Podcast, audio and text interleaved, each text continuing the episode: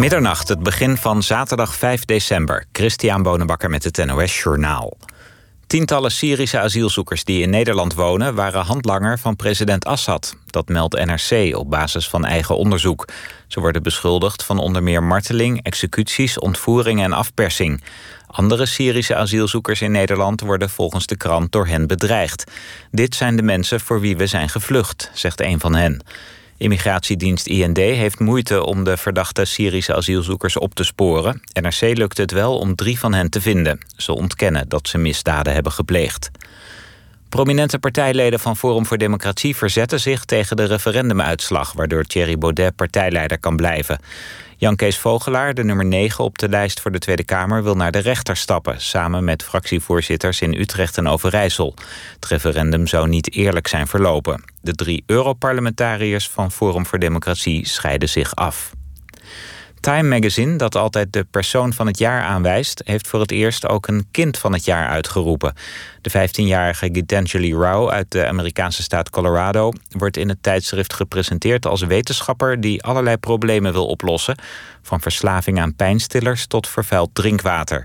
Ook heeft ze een app ontwikkeld tegen internetpesten. Het is niet de eerste jongere die Time in het zonnetje zet. Vorig jaar werd klimaatactiviste Greta Thunberg uitgeroepen tot persoon van het jaar. Bij de oudejaarsconferentie van Joep van het Hek in Carré mag niet meer dan 30 man publiek aanwezig zijn. Van het Hek had om een uitzondering gevraagd omdat de voorstelling met zo weinig mensen niet goed tot zijn recht zou komen.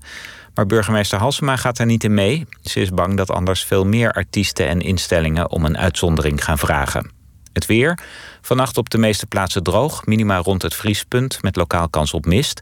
Overdag af en toe zon, maar in de noordoostelijke helft blijft het lang grijs met kans op regen. En het wordt ongeveer 5 graden. Dit was het NOS Journaal. NPO Radio 1. VPRO. Nooit meer slapen.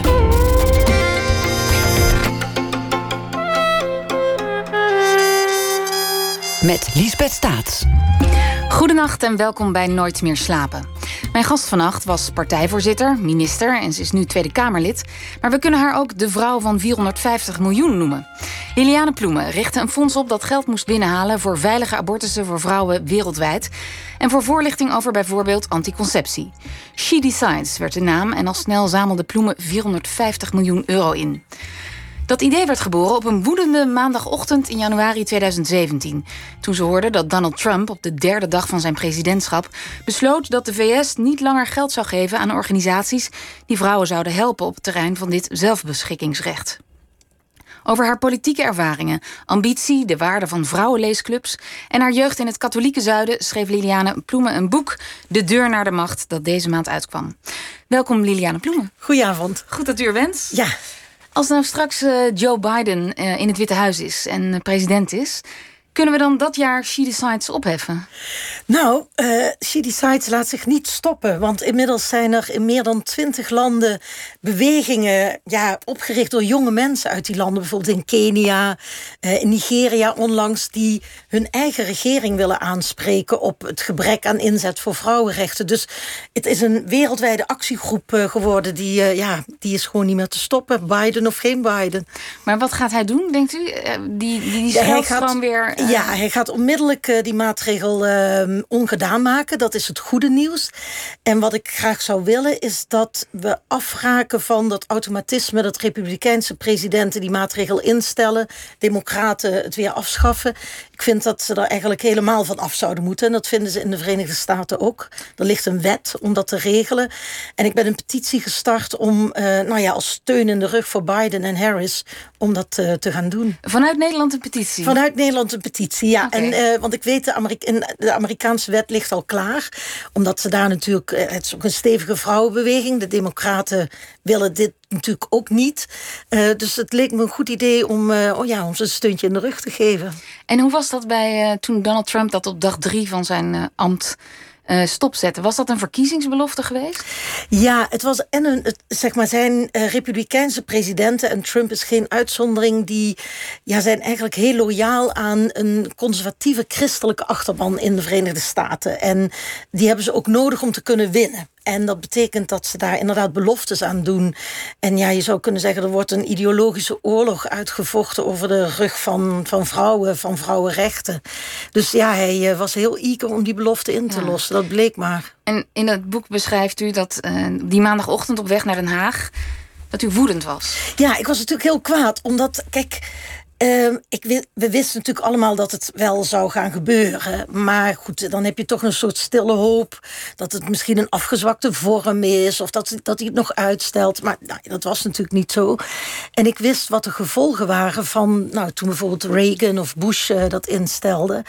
En kijk, er er komen niet minder abortussen als je abortus verbiedt of onmogelijk maakt. Er komen gewoon meer ongewenste zwangerschappen, meer onveilige abortussen. En nou ja, uh, staan op het spel.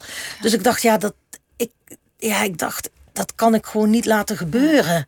Zeker niet omdat ik minister was. Hè. Dat is natuurlijk een positie die, ja, waarin je gehoord wordt uh, en waarin, het, ja, waarin je echt iets kunt doen. Ja. Ja. Maar u deed dat uh, op eigen initiatief. Meteen maandagochtend met een club medewerkers. Ja.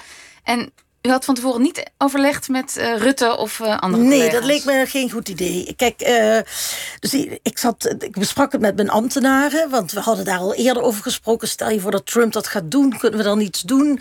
Maar goed, dat gesprek was een beetje zo blijven hangen. En toen zaten we op die maandagochtend, dus zij zeiden: God, zullen we misschien kijken of in de EU het gezamenlijk kunnen doen?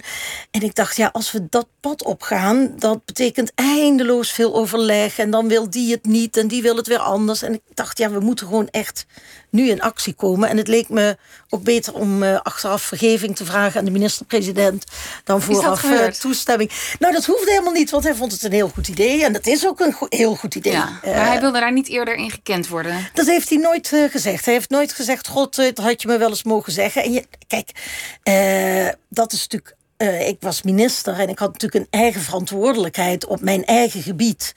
En uh, nou ja, de minister-president uh, zegt ook altijd: ik ben niet de minister-president van alle zaken. Nou, het leek me dat ik dit prima op eigen initiatief kon doen.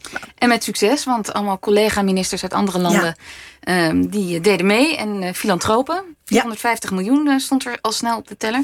Dat staat allemaal uitgebreid beschreven in De Deur naar de Macht, uw boek. Dat vond ik nogal een directe titel. Er, er spreekt iets uit van The Only Way is Up. Um, de deur nou, naar de macht. Ja, ik, um, ik ben ook wel uh, direct. Hè, dus ik hou niet zo van uh, omwegen. Soms zijn omwegen wel nodig, maar ik hou van de kortste weg. En ik dacht, het gaat natuurlijk ook om macht. Hè? Uh, maar vrouwen en macht, dat wordt toch vaak gezien als iets ingewikkelds. Um, een beetje cliché. Zou je kunnen zeggen dat vrouwen daar ook een beetje van weglopen. Of het daar niet, niet over willen hebben. Of het anders noemen. En ik dacht, ja, kijk, uh, in de Tweede Kamer, ik, elke dinsdag uh, stem ik. Uh, en dan steek ik mijn hand op ergens voor of ik doe het niet en dan ben ik ergens tegen. Dat is natuurlijk gewoon macht. En die macht is niet omdat ik zelf die naar me toegetrokken heb, maar omdat mensen graag willen dat ik daar zit als hun volksvertegenwoordiger.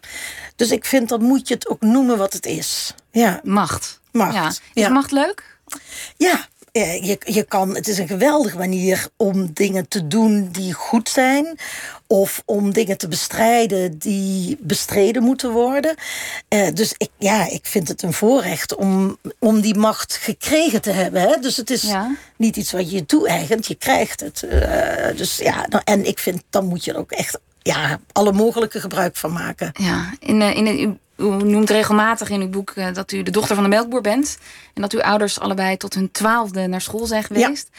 Dan lijkt uw carrière naar de universiteit, directeur van verschillende uh, uh, goede doelenorganisaties, noem ik het maar even, Mama Cash en Cordate bijvoorbeeld. Um, minister van uh, ontwikkelingssamenwerking. Dan lijkt dat bijna iets tegendraads. Als je, als je uit de familie komt Oh nee, helemaal niet. Want uh, nee, oh, ze hebben, nee, zeker niet. Want alles was er uh, bij ons op gericht om uh, ja, ons eigenlijk te stimuleren om al onze talenten te gebruiken. Dus mijn ouders hadden inderdaad alleen maar lagere school. Mijn moeder had heel graag verpleegster willen worden, maar dat mocht niet van haar vader, want dan moest ze uit huis uh, in de verpleegstersflat gaan wonen. En bovendien, waarom zouden meisjes door moeten leren? Ja, en mijn moeder had zich dus echt voorgenomen, uh, als, uh, als ik zelf kinderen krijg, dan mogen die alles doen wat ze zelf willen, al brengt het ze heel ver. En het was. Um, er, er, werd bij ons echt prijs opgesteld dat je leerde en je best deed. En in die omgeving groeide ik ook op. Hè. Naast ons woonde een broer van mijn moeder. Uh, wij hadden bijvoorbeeld geen boeken in huis, maar daar hadden ze boekenkasten. Daar werd heel veel gelezen. Uh, mijn oudere nichtje die was onderwijzeres en die was in Rotterdam gegaan. Dus dat, uh, en om ons heen was er alles op gericht om eruit te halen wat erin zat. En klasgenootjes of uh, mensen ja, uit uw omgeving? Ja, ook. Kijk, goed leren was natuurlijk voor ons de manier om ja, ergens te komen waar je niet vanzelf kwam. Want nou ja, we hadden natuurlijk geen netwerk of we hadden ook geen geld. En dus ik kan me niet anders herinneren dan dat, uh, dat ik aangemoedigd werd om te leren. Ja, ja. Maar vanuit Maastricht naar Rotterdam? Ja. Op een studentenkamer in Schiedam begonnen? Ja. ja. En later eh, naar de stad verhuisd, al snel eigenlijk? Ja.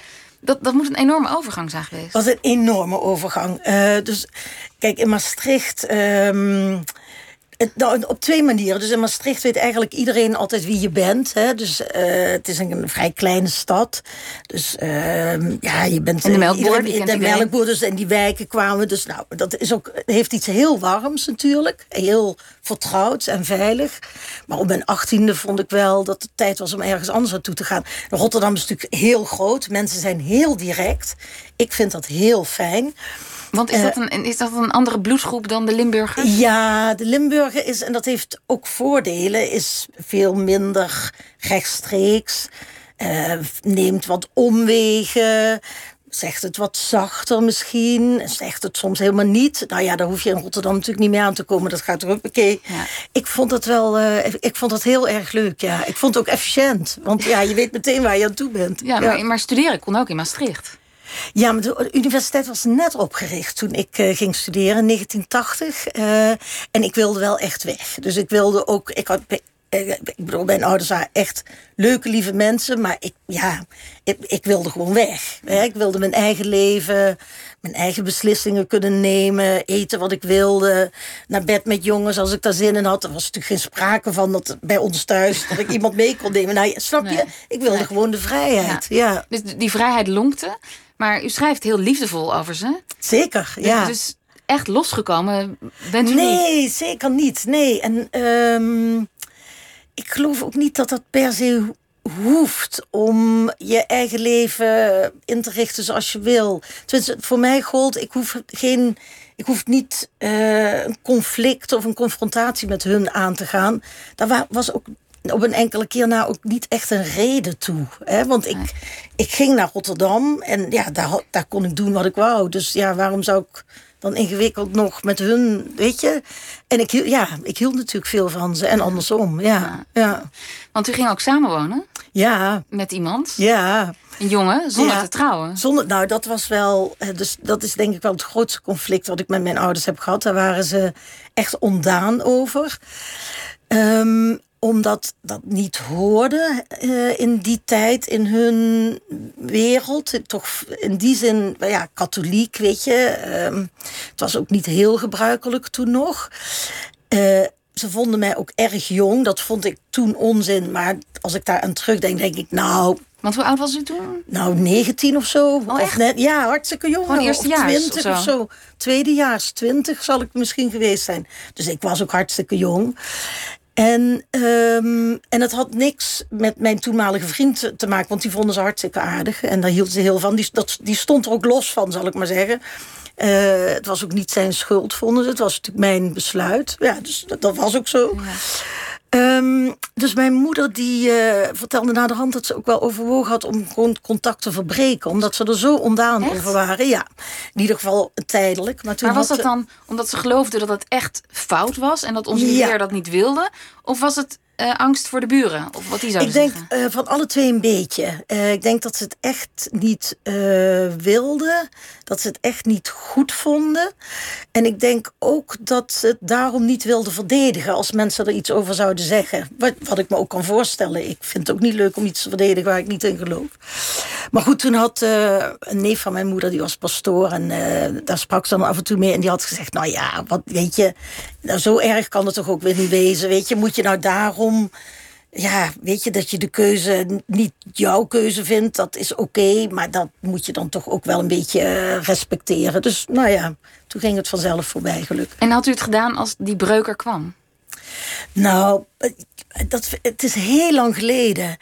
Mezelf kennende denk ik dat het me dat wel tijdelijk waard was geweest. Ehm, maar, en tegelijkertijd weet ik bijna zeker dat we dat gewoon niet volgehouden hadden, mijn vader en moeder en ik, om elkaar dan niet te zien. Ja, dat, was, dat is toch eigenlijk best wel ondenkbaar. Ja. Maar ik snap ook wel, eh, kijk, het, er, er kwamen denk ik voor, voor hen ook een aantal dingen samen. Want ik was het huis uitgegaan, dat is natuurlijk best een grote stap. Eh, dat vond ik toen heel normaal. Maar dat is natuurlijk, hè, toen mijn eigen kinderen het huis uit gingen, dacht ik ook, wow.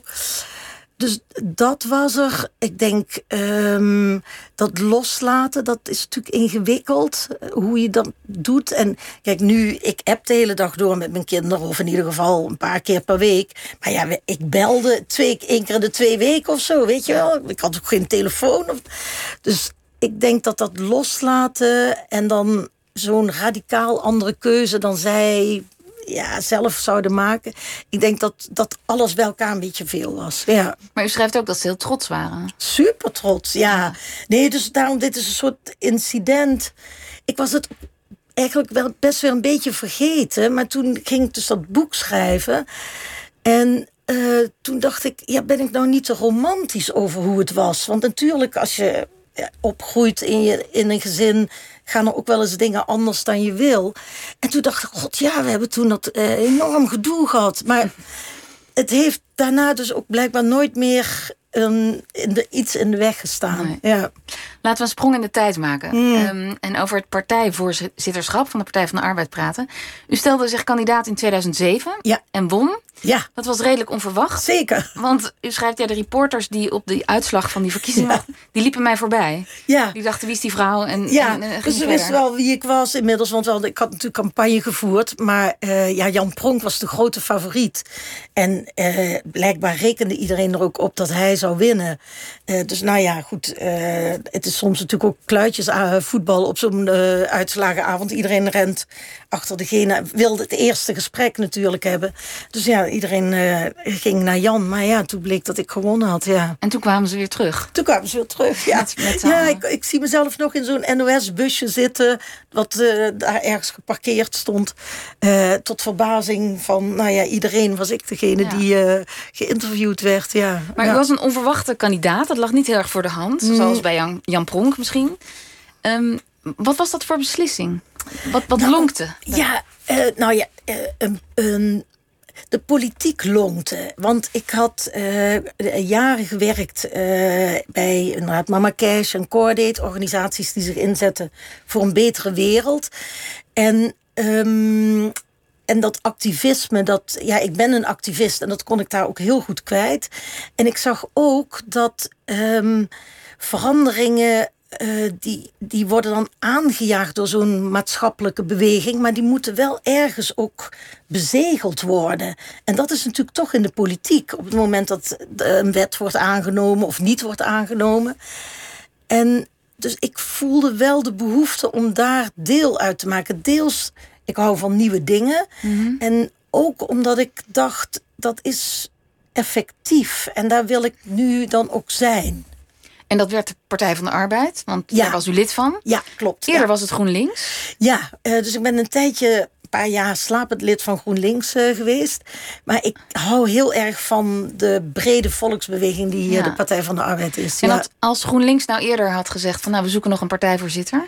Nou, eh, dan had ik dat denk ik niet gedaan. Kijk, ik woon in Amsterdam Nieuw-West. En eh, daar nou ja, probeert iedereen er wat van te maken. Dat is niet altijd gemakkelijk. Mensen met hele verschillende achtergronden wonen daar. En ik vond dat de Partij van de Arbeid daar ja, beter paste en betere antwoorden ook had. Uh, dus uh, kijk, GroenLinks is gewoon een bondgenoot. Zijn nou ja, de naaste vrienden.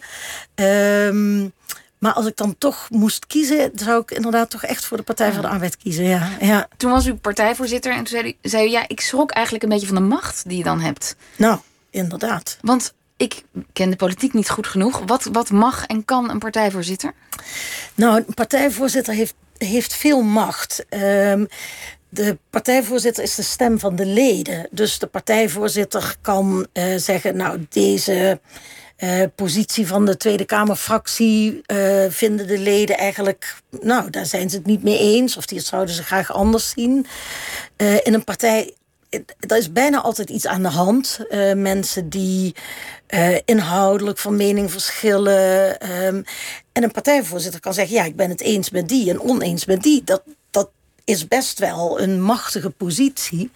En, dat hoort ook zo. de partij ook de koers dan? Ja, de partijvoorzitter is wel verantwoordelijk voor wat ze dan zeggen de middellange termijn koers. Dus eh, niet voor de politiek van alle dag, eh, want daar gaat de, gaan de gekozen vertegenwoordigers over. Maar wel over, nou ja, eh, wat, wat, wat vindt de partij over, nou ja, hoe, hoe moet werk van mensen eruit mhm. zien over een aantal jaar? Dus dat soort onderwerpen, dat hoort echt bij de partijvoorzitter. Ja. En, en u zei net, ja, ik ben heel direct. Ja. Ik hou ook van de politiek, politiek omdat het daar uiteindelijk besloten wordt. Maar die macht, die betekent ook dat je niet alles kunt zeggen. Wat je misschien als uh, directeur van Cordate wel kan. Uh, ja, ik, uh, ik, ik wil graag zo direct mogelijk zijn. En tegelijkertijd is het in zo'n positie precies zoals je zegt. Um, omdat het zoveel impact heeft... Um, moet je wel drie of vier keer nadenken. Uh, zit dat in uw karakter? Nou, uh, dus een beetje aangeleerd gedrag. ja, ja, ja. Maar ik ben niet, uh, ik ben geen on, ik ben niet onbezonnen. Um, maar ik, en ik vind ook dat je zorgvuldig moet omgaan met de macht die je toebedeeld krijgt. En tegelijkertijd, ja, je kan niet de hele tijd met mail in de mond praten. Want ja, waarom zit je er dan? Ja, ja maar, Dat, maar dat, dat, dat aangeleerd gedrag, dat was, dus een, dat was dus een proces. Ja, dat was een proces. Uh, maar dat, dat heb ik niet alleen maar in de politiek doorlopen. Um, ook, ook thuis. Bij, uh, thuis en bij Cordate natuurlijk. Hè, want dat was een organisatie die katholiek van oorsprong was. Dus um, nou ja, dan was het soms ook wel een beetje, uh, nou ja, wikken en wegen. Ja, dus ik kan echt wel heel diplomatiek zijn, maar ik vind het niet altijd nodig. Hmm. Toen u uh, minister werd van uh, ontwikkelingssamenwerking, onder andere en buitenlands handel. Um, nou, toen kon u die dingen bewerkstelligen. Hmm. Bijvoorbeeld dat uh, She Designs is daar een goed voorbeeld van. Ook in uw eentje. En u beschrijft eigenlijk vrij geestig dat die macht ook een soort jas is die je moet leren aantrekken. Ja, je moet als minister ook anders lopen. Ja, kijk. Uh, dat hoeft allemaal niet, maar ik eh, vind dat uh, als, je, als, als je minister bent, dan um, moet moeten mensen weten dat als jij binnenkomt met een groepje andere mensen, dat jij dat bent en niet al die anderen. Mm -hmm. En, um, Waar, en waarom ik, moeten ze dat eigenlijk weten? Uh, omdat uh, ja, je hebt die politieke positie en ik wil die ten volle gebruiken. Dus dat wordt tamelijk ondermijnd als je eerst moet gaan uitleggen dat hij het niet is, maar jij wel. Begrijp je? Uh, en ik vind ook uh, als ik vertegenwoordig Nederland. Ik zat ook heel vaak achter zo'n bordje Nederland. Dus dan dacht ik, ja, als al die anderen naar mij kijken, dan zien ze niet Lilian, bloemen, maar ze zien Nederland. En uh, ja, dan vind ik dat je er ook moet uitzien als Nederland. Begrijp je? Je moet ja. niet, dat niet iedereen denkt, nou, had wel een, een schoon vestje kunnen aantrekken. Dus ik hou er wel van om ja, de Engelsen zeggen uh, to live up to it. Uh, ja, zoals jij het eigenlijk zegt. Het is een jas die je aantrekt. Ja. ja. En daarmee, daarmee relativeer ik het ook meteen. Want het gaat... Hè, dus je wordt, de deuren worden voor je open gedaan. En hè, je krijgt natuurlijk allerlei mensen die gedragen zich anders ten opzichte van Mm -hmm. van een minister dan, van, dan ten opzichte van Lilian Ploemen. Dat verschil is goed om in de gaten te blijven houden. Hè? Dus sommige dingen horen bij het ambt en niet bij de persoon. Dus uh, ook niet naast ja. je schoenen lopen. Ja. Maar, maar hoe loopt een minister? Wat, wat is uw ministeriële oh, loopje? Mijn ministeriële loopje is uh, iets breder dan ik. Ik ben een kleine, smalle vrouw, maar dan maak ik me iets breder. Um, dat is eigenlijk. En ik loop misschien iets rechterop. Hè? Dat moest altijd al van mijn moeder, maar dat doen we natuurlijk allemaal niet. Dus, iets rechterop. En uh, je loopt als uh, eerste naar binnen. Ja, ja. ja. Dus dan zeg je, wacht even, ik, ja, ik ga graag je voor. gaat als eerste naar binnen, ja. ja. Maar nu bent u Kamerlid. Ja. En hoe loopt een Kamerlid? Nou, een Kamerlid, uh, ik, dat is een, niet zo heel anders. Want het is wel een ander soort macht, maar het is wel... Uh, kijk, ik ben volksvertegenwoordiger, dus ik vind dat... Ik word, toen, toen we nog allemaal in de bus naast elkaar zaten... Mm -hmm. ik word heel vaak aangesproken in de bus. Dus Gewoon in het openbaar vervoer? Ja, ja, ja, in de ja. trein. Dat is natuurlijk en op straat. Uh, en dat, ik, dat, ik vind dat heel erg fijn. En ik vind dat dat erbij hoort. En het helpt me in mijn werk. Uh, dus uh, dan dat vraagt wel dat, men, dat, je ook aanspreekt, dat ik aanspreekbaar ben. Begrijp je? He? Dus uh, als minister, zeker als andere ministers of mensen die denken dat ze machtiger zijn dan jij bent. Dan, je moet je niet laten intimideren. Maar als volksvertegenwoordiger wil ik juist eigenlijk dat iedereen tegen me aanpraat. Ja, dan ben je wat toegankelijker of zo. Ja, dat denk ik wel, ja. ja. Dat denk ik wel. Ja, dus ja. Ja, ja. En, en gaan vrouwen, dat is een hele, nou ja, Mm. vaak terugkomende vraag. Gaan vrouwen anders om met die macht? Ja, het, um, het, uh, het is.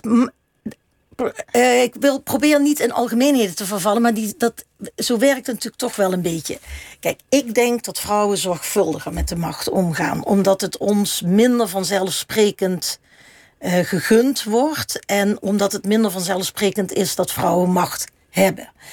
En dus denk ik, ik ben er zelf in ieder geval heel precies en zorgvuldig mee. Mm -hmm. In de zin dat ik altijd nadenk over wat kan ik nu daarmee doen met die macht uh, om te veranderen wat ik vind dat niet deugt.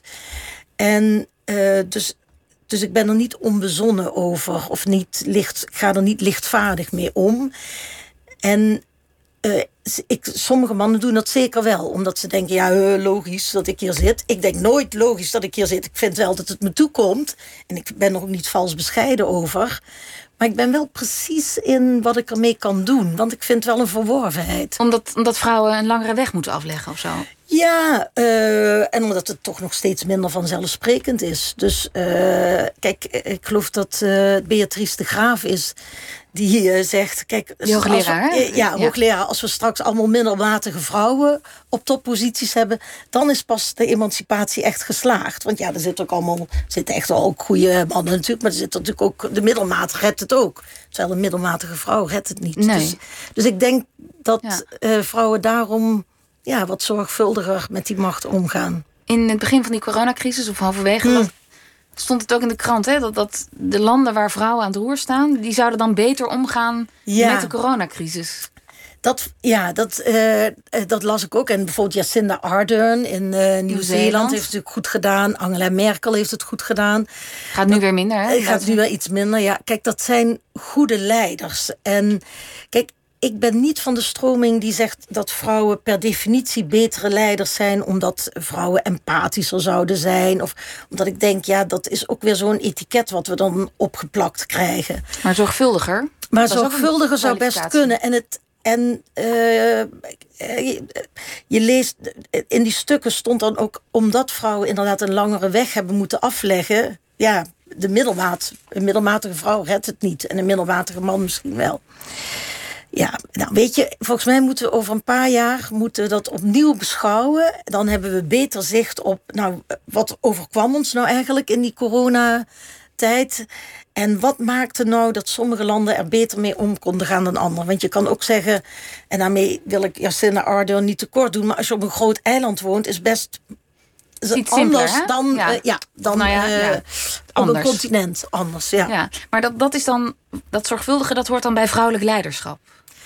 Ja, dus en ja, dat vind ik wel, ja. Dus Ja. ik hou niet van wat ik zeg, het etiket dat vrouwen empathischer zouden zijn. Dat vind ik ook weer, dan moet je daar weer aan voldoen, aan dat clichébeeld. En waarom zou je dat?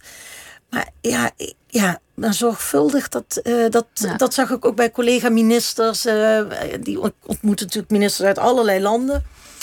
En dachten, ja, die vrouwen zijn toch vaak wel precies en zorgvuldig. En laten zich ook niet zomaar opzij zetten overigens. Klinkt eigenlijk heel fijn, hè? Iemand die zorgvuldig is en de macht heeft. Ja. Maar we moeten dus streven naar allemaal middelmatige managers en uh, vrouwen nee, op de, op de nee, nee, nee. Dan, we moeten allemaal ons best doen. Ja, we moeten allemaal ons best doen. Maar zeg maar, de, de vanzelfsprekendheid waarmee uh, sommige mannen aanspraak maken op posities uh, het is niet erg dat we daar een beetje van af nee. raken. En, en hoe kunnen, kunnen vrouwen elkaar steunen?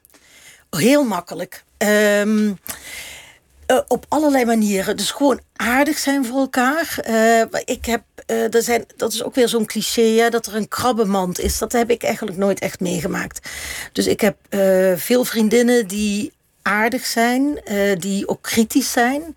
Dus uh, dat vind ik ook best belangrijk. Mm -hmm. Dat je tegen elkaar zegt, nou dat vond ik echt minder of dat deed je niet goed. Um, ik hou heel erg van kleine dingen voor elkaar doen. Dus ik, uh, ik denk altijd, je hebt meer baat bij iemand die zegt... joh, weet je, uh, laten we even een koffietje gaan drinken. Of die uh, zegt, weet je, ik breng even soep... zodat je niet hoeft te koken. Dan iemand die zegt, laten we er eens voor gaan zitten... en dus uitgebreid ja, ja. praten over wat er mis is. Dat, meestal helpt dat niet. Ja. Klein, ja. En stem op een vrouw. En Stem op een Vrouw, ontzettend leuke organisatie is dat. Uh, kijk, heel veel vrouwen stemmen. Ik stemde ook altijd op een vrouw. Ja. Maar uh, uh, een aantal jonge vrouwen hebben bedacht... laten we daar nou laten we dat nou eens wat officiëler maken. En laten we aan alle, tegen alle vrouwen en mannen in Nederland zeggen...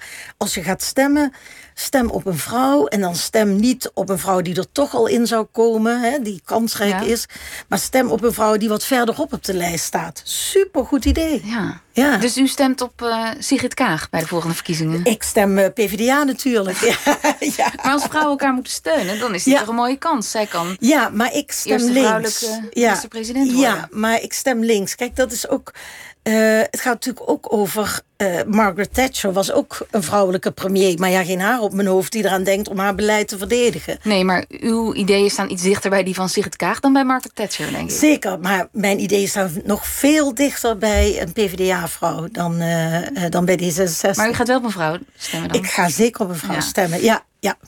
Ik ben in gesprek met Liliane Ploemen. Ze is Kamerlid voor de Partij van de Arbeid. En ze schreef een boek De Deur naar de Macht over haar nou, persoonlijke geschiedenis. Een soort memoires, hè? Zijn het, eh, zijn het eigenlijk. Ehm, die vrouwenleesclubs, Ja. daar, daar moeten we het even over hebben. Ja. Want dat klinkt voor mij als een fenomeen uit de jaren tachtig. Hmm. is een beetje uitgestorven. Maar u zegt nee, dit is juist een tip voor jonge vrouwen. Ja. Organiseer zo'n clubje om je heen Ja, en ja. lees. Ja, Wat is er zo goed aan? Nou, wat er zo goed aan was, dus ik had zo'n clubje inderdaad in de jaren tachtig. ehm, en eh, wij lazen dan feministische boeken. En daar praten we dan over. En het idee is natuurlijk dat wat je meemaakt in je leven, dat jij nooit de enige bent die dat meemaakt. Dus als ik een probleem heb, dan heb jij het waarschijnlijk ook. En als jij het niet hebt, een, een andere vrouw. En door, eh, dat, door daarover te praten, eh, dat helpt bij het oplossen van een probleem. Of te bedenken hoe, voor mij hoe ik daarmee om moet gaan. En het legt. eh, dat, en wij noemden dat dan natuurlijk toen. werd het misschien wat politieker geduid dan, dan vrouwen nu doen. Maar vaak ligt dan natuurlijk gewoon een structuur, structurele ongelijkheid aan ten grondslag. Of onrecht. En het is wel goed om dat te benoemen. Want als je weet wat het is, dan kan je het ook bestrijden. En in zo'n groep ehm, ja, is dat en gezellig natuurlijk. En ja, ik, het helpt, je helpt elkaar er heel erg mee, vind En, ik. en wat, wat heeft u eruit gehaald? Wat, wat, wat, wat deed het met nou, het was, kijk, uw het was ideeën misschien? Ja, nou sowieso helpt het om je. eh, heeft het mij geholpen om een feminisme aan te scherpen. Wat betekent dat nou eigenlijk? En is dat iets wat je in een boek leest? Of is het iets wat over jezelf gaat? Eh, het gaat heel erg ook over jezelf. En ehm, ik heb ook. Het was in de jaren tachtig, dus ik was zeg maar begin twintig. Ik dat is best, ik vond dat best een moeilijke tijd in mijn leven. Want aan de ene kant, nou ja, had ik dan eindelijk die vrijheid om te doen wat ik wilde. De jaren tachtig waren best wel een depressief decennium, eh, die eerste jaren. Eh, iedereen was werkeloos. Nou ja, het was dus de tijd van Thatcher en Reagan. Ehm, en ik vond het een. eh, ik ik deed een studie, maar ik wist natuurlijk nog niet zo goed wat ik daarna ging doen. Dus ik was een beetje lossig ook. Weet je, van god, waar gaat dit leven eigenlijk heen met mij? En uh, praten in zo'n groep. Ik was natuurlijk niet de enige die dat vond, want ja, dat hadden we allemaal. Ja, dat helpt natuurlijk om uh, over te praten. Ja. ja en een beetje ja. minder los te worden. Ja, ja. een beetje meer uh, gegrond. Ja, dat was een fijn, fijn idee, ja. Als een rode draad door leven en werk loopt net opkomen voor kwetsbaren in de wereld, ver weg of dichtbij. In Rotterdam als student deed u buurtwerk. Ja.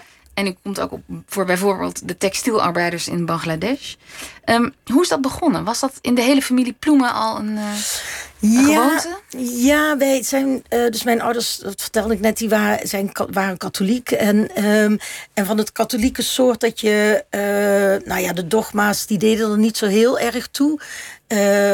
Zij, zij vonden vooral dat je in het, in het leven gewoon goed, goede dingen moet doen voor anderen. En als je het zelf goed hebt en je deelt niet, dat deugde niet. Dus uh, delen is fijn. Dat uh, leerden mijn kinderen overigens ook op de kinderopvang vroeger. Maar zo ben ik echt opgevoed. Dus met heel veel oog voor wat er in de rest van de wereld gebeurde. Wat Aha. best wel bijzonder was, want mijn ouders reisden nooit. Maar nou ja, en die hoorden dat dan van de pastoor? Nou, ja, van de pastoor. En we hadden natuurlijk allemaal familie die in de missie was. En uh, nou ja, we keken natuurlijk tv en lazen kranten, maar nooit uit eigen ervaring. En uh, dus dat is er wel heel. Dat, ja, dat vond ik heel gewoon om, om te kijken naar iemand anders. Dus uh, mensen van mijn generatie zullen dat herkennen. We verzamelden aluminiumflessen, doppen en we verkochten loodjes. En dat hoorde er heel erg bij. Ja, en dat is natuurlijk altijd, ja, dat is deel geworden van, van wie ik ben. Ja. En ik las het boek en toen vroeg ik me af, voelt u zichzelf wel eens kwetsbaar eigenlijk? Uh, ja, uh, ik, en in dat boek beschrijf ik ook, zeg maar, hè, waar we het net over hadden, dat moment dat ik partijvoorzitter uh, werd. Uh, kijk, eerst liepen ze me voorbij, maar de dag daarna wilden ze natuurlijk per se weten wat ik vond. En uh, dat was ook voor het eerst dat ik meemaakte dat mensen die ik niet kende wel een oordeel over mij hadden. Wat normaal is als je, laten we zeggen, de publieke arena betreedt. Maar ik vond dat wel heel erg wennen, want ik dacht natuurlijk zelf bij alles, nou doe ik dit goed. Eh, want veel dingen deed ik voor de eerste keer, maar ik dacht, ja, al die andere mensen denken ook nou, doet ze het goed. Dat voelt natuurlijk best wel kwetsbaar. En um, dat is ook niet erg. Um, maar dan helpt het. Hier hielp het ook weer dat ik vriendinnen had die dan uh, zeiden: nee, joh, het ging hartstikke goed. Of die juist zeiden: nee, dat, uh, dit moet je anders doen. Of pak het eens zo aan. En belde die dan ongevraagd? Of, ja, of gevraagd en ongevraagd. Gevraagd ja. en ongevraagd. Ja. ja, dat hoort. In echte vriendschap moet je niet wachten totdat de ander nee. zegt: wat vond je? Ja, nee. ja. Want in, in, in het boek zijn er momenten dat het leven, nou zeg maar, naar u uithaalt. Ja. Die zijn er, maar daar stapt u ook snel overheen. Bijvoorbeeld de vriend waar we het net over hadden, over wie we het net hadden, ja. met wie u ging samenwonen, die overleed na een ja. auto-ongeluk. En toen was u pas 24. Ja, dat is natuurlijk in. Ja, Eigenlijk werd u een soort weduwe. Ja, maar, dat, dat, maar zo noemde ik mezelf niet, want dat, ik, ja, weduwen waren mensen, weet je waar, waren vrouwen van 60 of zo in mijn belevenis. Maar ik was natuurlijk eigenlijk wel. En het is een heel. Het is heel ingrijpend. Het is heel. Uh, Want jullie woonden samen? Ja, we woonden samen. We waren op een gegeven moment overigens ook weer naast elkaar gaan wonen. Want ja, god, die relaties in die tijd, nou ja, dat herkennen denk ik mensen wel. Dus we woonden naast elkaar.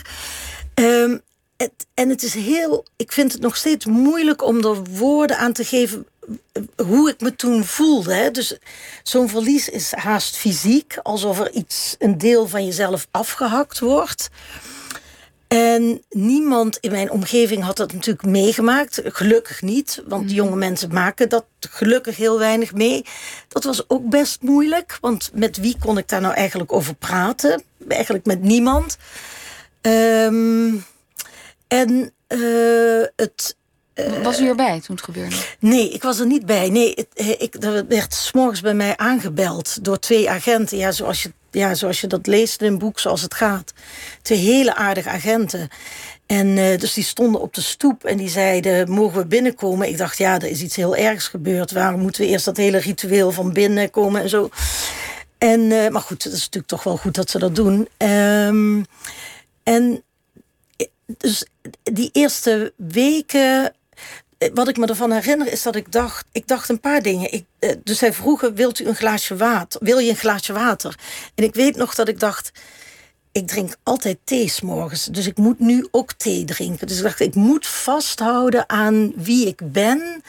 En aan de routines die ik heb. Want dat gaat me helpen. In die split second. Ja, dat kan ik me nog zo goed herinneren. Dat ik dacht, als ik nu, als ik dat loslaat, dan verlies ik ook houvast. Uh, omdat in die gewone routinematige dingen is natuurlijk heel veel troost en heel veel houvast. En ik weet ook nog dat ik dacht, wat later hoor, uh, al doe ik niks met dit verdriet, al blijf ik gewoon een jaar op de bank zitten, dan is het over een jaar minder erg, want het slijt. Nou, dat vond ik ook, dat weet je, wist ik natuurlijk niet zeker, denk ik nu achteraf. Maar ik was er toen heilig van overtuigd. En dat, dat is wel heel fijn, heel fijne gedachte, vond ik dat. Ik dacht, want dat maakt dat, ook al kon, zou ik het niet aankunnen, of zou ik niet weten wat ik zou moeten doen, het zou minder erg worden. Dat is ook zo. Hè? Want verdriet, godzijdank, slijt niet vanzelf. Uh, maar dat, dat, is ook een soort overlevingsmechanisme. Absoluut, ja. Meteen een soort plan klaar hebben voor, is, ja, voor de pijn. Dat is zo, ja. ja. ja. dat is zo. Ik bedoel, dat zou ik toen niet zo benoemd hebben. Um, maar ik uh, heb mezelf. Ik, ik, ik heb heel graag een plan voor alles. En als ik een, en ik doe heel graag iets. Hè. Dus ik kan, heel, ik kan echt niet werkloos toekijken als er ergens. Nou ja, neem die textielarbeiders in Bangladesh. Ik dacht, ja, ik moet iets doen. Dat is mijn eerste impuls. En in die situatie heeft mij dat enorm geholpen, ja. uh, terugkijkend. Ja, ja, En over kwetsbaarheid gesproken. Ik um, las het boek en toen moest ik opeens denken aan een collega van u, Ella Vogelaar. Ja.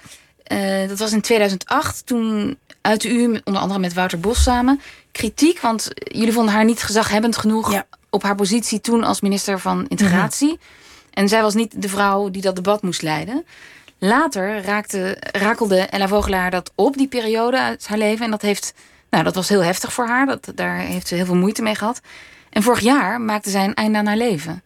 Toen ik dit boek las, daar schrijft u niet over. Toen dacht ik, hoe was dat voor u? Nou, het, het is heel schokkend uh, als iemand niet, niet verder kan leven. Uh, zeker als. Ja, ik kende Ella. Ik kende Ella al voor die tijd. En ook daarna hebben we natuurlijk contact gehad. We kwamen elkaar tegen in de partij. Het was ook een prima contact. Dus ja, het, ik kan me niet voorstellen hoe wanhopig je moet zijn om niet meer verder te willen leven. Dus ik, ik, ik, ik vond het heel erg schokkend. Ja. En heel verdrietig. Ja. Maar ook dat is dan ook de politiek als zij haar memoires schrijft. En vertelt hoe ingrijpend dat voor haar was. Ja, en, en daarom is dat. Hè, dus daarom is dat ook iets om niet lichtvaardig over te doen. Uh, en uh, kijk, dat maakt natuurlijk zo'n positie ook. Um, dat, dat maakt waarom ik misschien ook wel zeg dat, je, dat, ik heel, dat ik vind dat je heel zorgvuldig met die macht moet omgaan. Omdat er hoort ook bij dat, uh, dat je soms moeilijke beslissingen moet nemen. Niet zozeer omdat. Ja, ik bedoel, ik ben niet degene die het daar moeilijk mee. Ik vond het ook moeilijk, maar het is natuurlijk moeilijker voor degene die het betreft. En dat kan alleen dat, dat kan, ik vind dat ik dat alleen maar kan doen als ik dat heel precies en zorgvuldig en verantwoordelijk afweeg. Um, en hoe kijkt u daarop terug? Nou, ik, ik denk dat dat, dat voor toen een, een goed besluit was. Um, en dat, maar ik, ik vind het nog steeds moeilijk. Dat vond ik toen ook en dat vind ik nu nog steeds. Ja, ja. ja. En, en waarom staat het, heeft u het niet opgenomen in het boek? Want het hoort ook een beetje bij de geschiedenis, uw, um, het politieke spel, de, de macht. Ja, Um, dat is wel een goede vraag. Ik heb daar, niet, ik heb daar eerlijk gezegd niet zo'n goed antwoord op waarom ik het. Want het, uh, er zijn. Ik heb in dat deel over het partijvoorzitterschap heb ik, uh, heb ik willen schrijven hoe, hoe moeilijk het soms is om die verantwoordelijkheid te hebben. Um, en um, ik heb niet. Er zijn natuurlijk wel meer dingen, uh, meer besluiten die ik toen heb genomen. Mm. Of uh, bijvoorbeeld een reorganisatie moeten doen. Um, dus ik kan, er is niet per se een reden waarom ik dat niet heb uh, gedaan. Nou, omdat, uh, misschien omdat het ook niet zo leuk is om over te schrijven. Nee, nee, het, nee en, maar dat. En tegelijkertijd vind ik, ja, als je het besluit neemt, dan moet je er ook over kunnen praten en dan moet je het ook kunnen rechtvaardigen. Hè? Dat, hebben, dat hebben we natuurlijk toen ook gedaan, maar dat zou nu ook moeten. Ja, Hmm. ja. Nog een addendum bij de tweede Ja, druk. ja, Zo, ja, ja. ja. ja. Ehm, het woord viel al, feminisme. ja. U zegt de kern van mijn activisme is feminisme. Nou verandert die term nogal, in, in, is aan erosie onderhevig. Zeker, opgroeide ja. was het iets heel anders dan nu. En het was een, ook een beetje een eng woord en nu is Hmm. het of een geuzennaam. Wat betekent het woord voor u? Ja, ehm, eh, kijk, het is, feminisme is wel zeg maar de rauwe versie van emancipatie, als je het zo zou eh, willen vergelijken.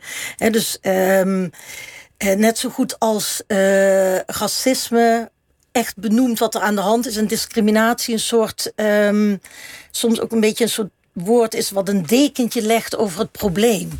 Dus feminisme is voor mij wel echt ook eh, niet alleen de overtuiging dat, ja, dat alleen radicale gelijkwaardigheid goed is, maar ook dat dat er niet vanzelf komt en dat je daar iets voor moet doen. En Ja. dat betekent soms wel de confrontatie aangaan. En Ja. wat betekent dan emancipatie? Ja, emancipatie is wel belangrijk. Hè? Dus we begrijpen niet verkeerd.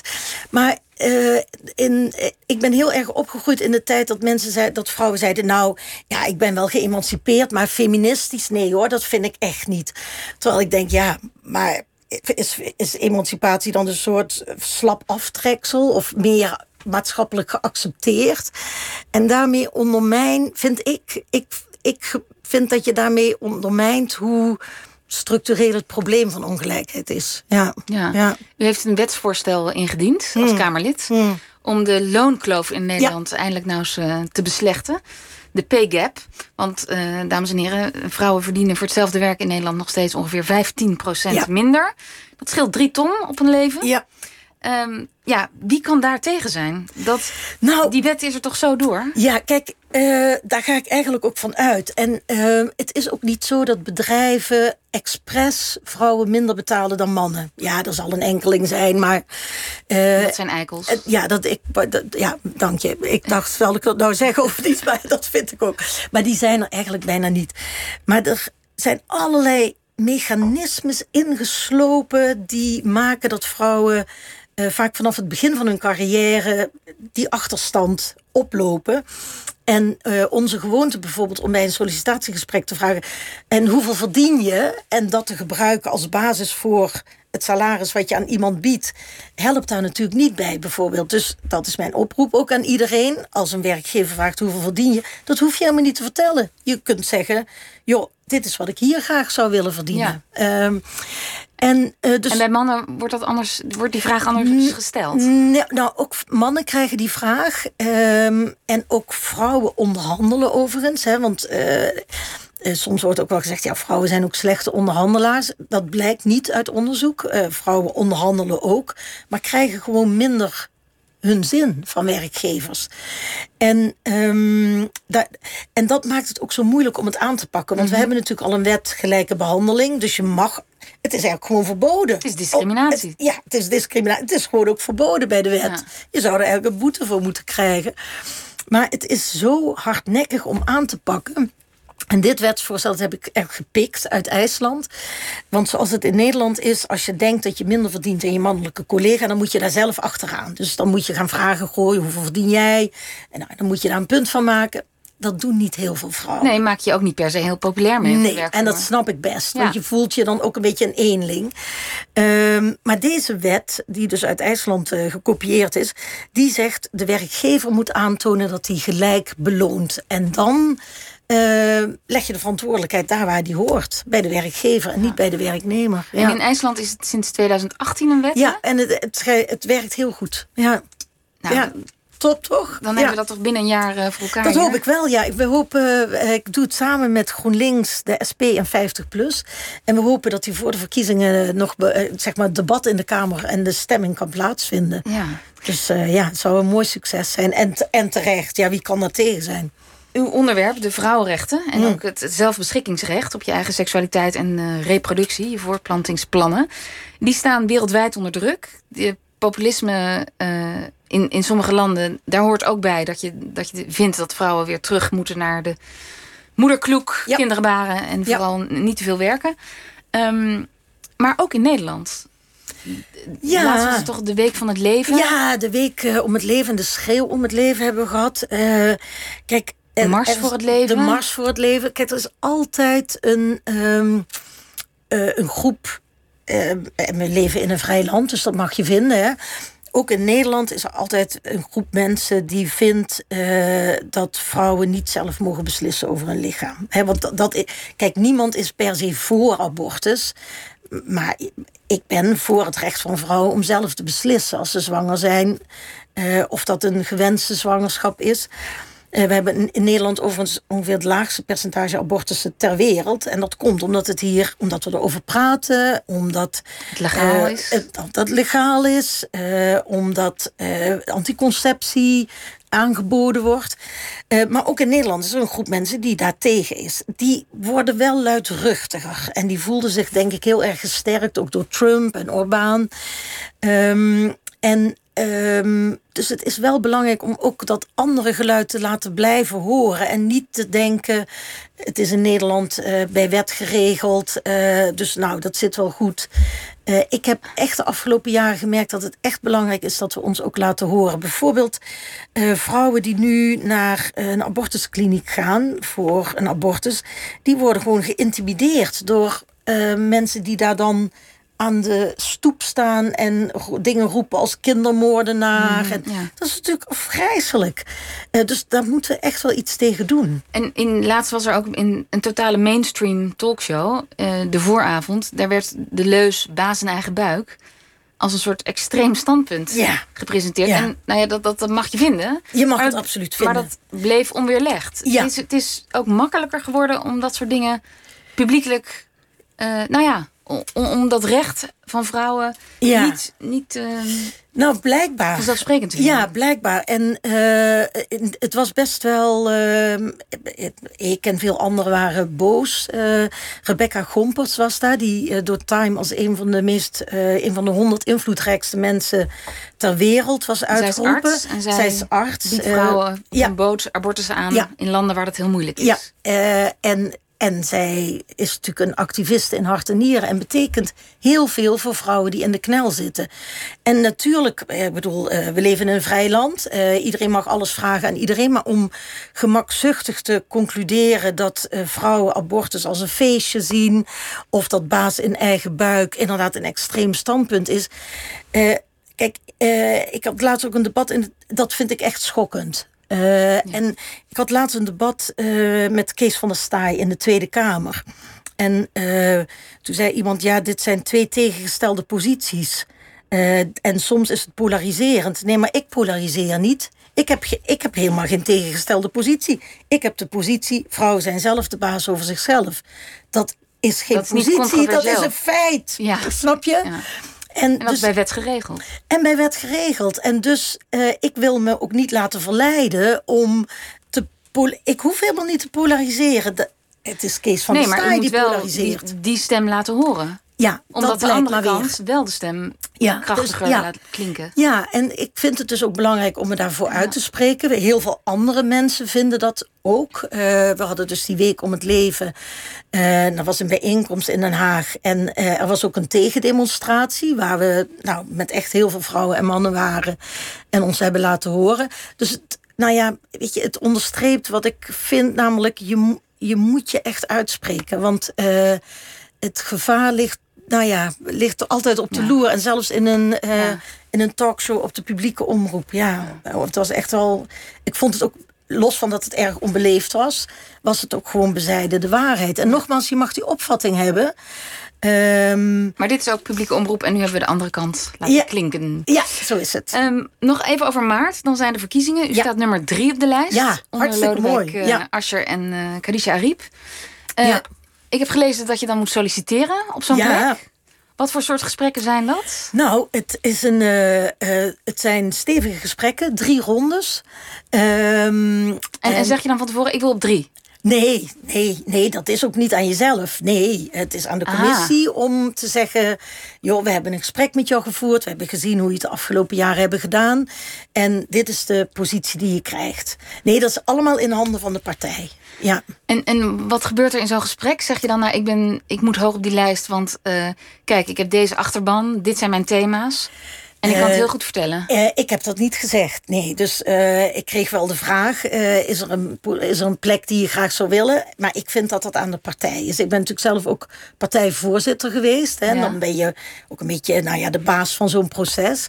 En het is aan de partij om zo'n lijst samen te stellen. Want het gaat niet om mij, het gaat om ja, uh, hoe, verte ja, hoe vertegenwoordigen we als Partij van de Arbeid uh, mensen in het land? En, maar nummer drie is wel lekker natuurlijk. Nummer drie is een geweldige plek. Ja, super fijn. Want, ja. want vorige keer was u nummer tien. Ja. Toen kwam u met voorkeurstemmen uiteindelijk alsnog dat in de Kamer. Dat is ook heel geweldig overigens, ja. Want eigenlijk was er maar plek voor negen zetels. Ja. ja. Dus, en, uh, en wat was het argument? Waarom bent u nu nummer drie? Uh, nou, je krijgt eigenlijk niet. Kijk, dat is heel. Het, is niet zoals bij een sollicitatiegesprek dat er dan daarna een soort uh, review komt van God, we dachten dit en we dachten. Nou, je, krijgt te horen. Joh, we willen heel graag dat je op plek drie uh, staat. Want nou, we hebben er vertrouwen, we hebben vertrouwen in je. en dat is het dan. Ja, dat, ja, nee, dat maakt het nederig en dat is ook goed. Ja, ja. maar plek drie, drie zetels moet toch lukken voor de Partij van de Arbeid? Oh ja, veel meer natuurlijk. Ja, veel meer. Ja, ja. En de coronacrisis, want in die tijd zijn we, en dat is op, uh, in maart vast nog niet voorbij, die heeft de ongelijkheid waar u zo tegen strijdt alleen maar erger gemaakt. Die kloof is wereldwijd dieper geworden. Het verschil tussen mensen, ook in Nederland. Ja. En waar gaat u de energie vandaan halen om die kloof weer te dichten? Als Kamerlid? Oh, nou, uh, mijn energie is echt mijn minste probleem. Um, en ik denk dat dit wel een van de grote vraagstukken van de komende jaren wordt. Omdat, uh, kijk, de wereld had zich tot doel gesteld om in 2030 uh, de extreme armoede de wereld uit te krijgen. En we waren best wel een end op weg. Maar mede door die coronacrisis zijn we echt wel achterop geraakt. En dat doel is niet alleen maar voor arme landen. Het is voor, voor alle landen, ook voor Nederland. En uh, ja, alle miljardairs en miljonairs zijn tijdens de coronacrisis geloof ik rijker geworden. Uh, maar uh, met z'n allen hebben we het gewoon slechter gekregen. Dus dat is gewoon de grote opgave. Dus uh, ja, uh, miljonairs moeten meer belasting betalen. alle kinderen hebben recht op de voorschool waar ze naartoe kunnen, onafhankelijk van of hun ouders rijk of arm zijn. Nee, dus dat is een hele lange to-do-lijst. En als je dan nummer drie bent, krijg je dan ook portefeuilles of mag je die nog wel in overleg uitkiezen? Nee, zoals dat gaat, dat wordt na de verkiezingen bepaald. en nou ja, dan dan, dan, dan wordt er gekeken, goh, met wie zitten we in de Kamer, wie is waar goed in. Uh, En, en ook dat ligt dus open. Ja. ja. Heeft u er zin in? Absoluut. Ja. ja. En we hebben Joe Biden in, in januari. Dus dan en we hebben Joe Biden en Kamala Harris. En dan krijgt She Decides ook weer een hele andere dynamiek. Zo is het. Dank Liliane Vloemen voor dit gesprek. Graag gedaan. Wij, ik noem nog even De Deur naar de Macht. Dat is uitgegeven bij uitgeverij Prometheus. En het zijn de memoires, geschiedenis, verhalen, anekdotes en ambitie over haar leven in de politiek. Dank voor dit gesprek. En dit was Nooit meer slapen voor deze week. En dit was helaas ook mijn laatste uitzending.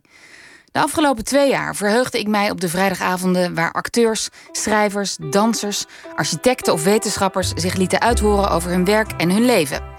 Ik zat hier met veel plezier en ik wil u bedanken voor het luisteren en reageren op die gesprekken. Maandagavond ontvangt Pieter van der Wielen illustrator Gabriel Kousbroek. Hij maakte het boek Buikschuiver, waarin hij terugkeert naar zijn roots, een puberteit in de jaren 80.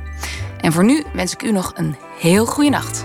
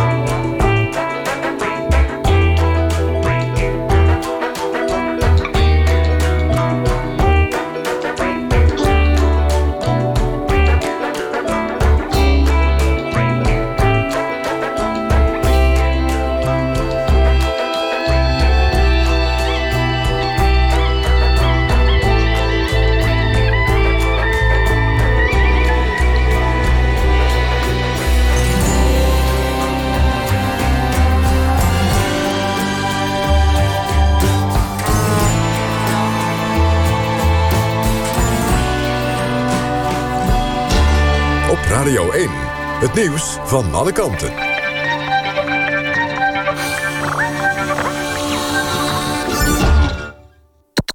NPO Radio 1.